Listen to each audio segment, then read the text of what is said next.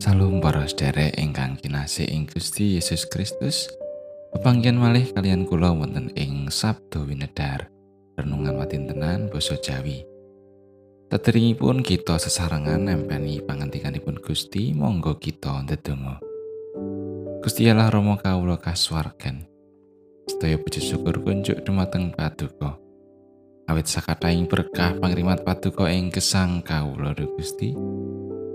Tak menika kawula nyawisaken manah kawula saperlu badhe nampi Sabtu pangantika Paduka. Sumangga Gusti ingkang paring pangantikan lan Roh Suci mugi paring pepadang ing manah kawula. Satemah kawula kasagetaken mangertosi lan nindakaken dawuh paring Paduka. Kawula ngrumaosi dereng saged ngecakaken dawuh Paduka kanthi sampurna. Mugi Gusti kersa paring pangaksami. Wonten ing asmanipun Gusti Yesus Kristus kawula ndedonga lan saos syukur. Amin. Paosan kapendet saking Injil Matius bab kalih welas, ayatipun kang salwelas dumugi selikur.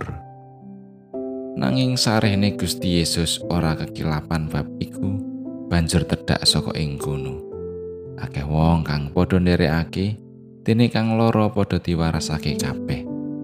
Nanging padha ora diparengake nyurake asmane supaya kelakono pangandika kang dilantarake dening Nabi Yesaya. Lah iku abdi ningsun, pilihan ingsun, kekasih ingsun. Kang dadekake keparenging galih ingsun, bakal sun paringi roh ingsun. Sarto bakal ngundangake pangadilan marang sakabehing bangsa. Panjenengane ora bakal nganakake padudon lan ora bakal alok-alok suarane bakal ora keprungu ing wong kang ing lurung-lurung. Gragah kang pepes ora bakal diketok lan uceng-uceng kang urupe melik-melik ora dipateni nganti panjenengane wis dadekake menange kabeneran. Apa dene iya panjenengane iku kang dadi pangarep-areping bangsa-bangsa. Makaten pangantikanipun Gusti ayat nat saking ayat 18. Lah iku abdi ningsun pilihan ningsun kekasih ingsun kang dadekake keparenging galih ingsun bakal sun paringi roh ingsun sarta bakal ngundangake pangadilan marang sakabehing bangsa. Pros derek tansah bingahaken nawi gesang kita minangka abdining Gusti menika saged dados keparengipun Gusti. Tansah ngudi kaluhuraning asmanipun Gusti. Kaluhuranipun Gusti ingkang tuwuh saking pandamel ngundangake pangadilan marang sakabehing bangsa.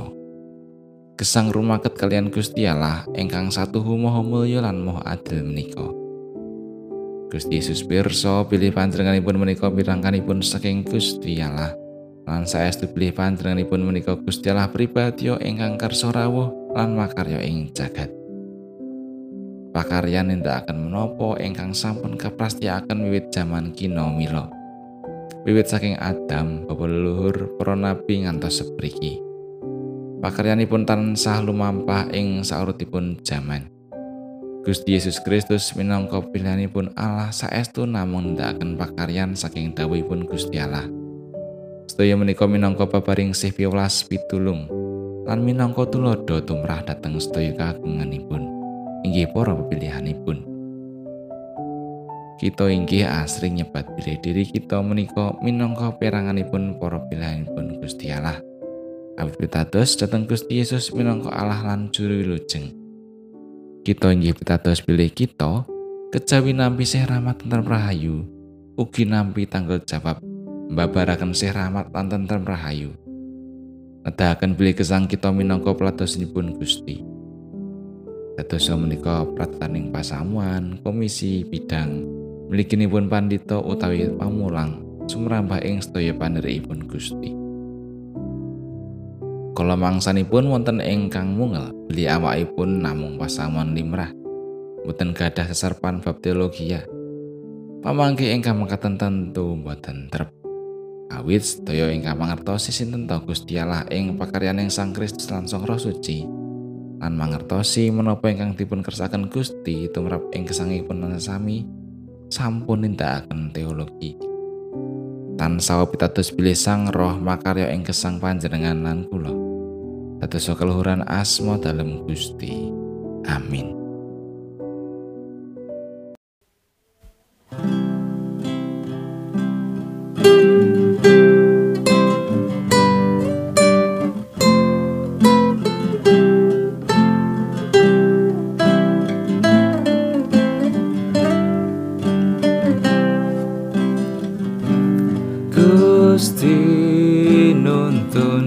Lampah kula saklang kenggen kula bejo.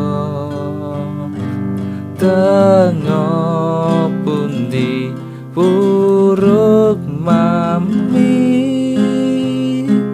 tansah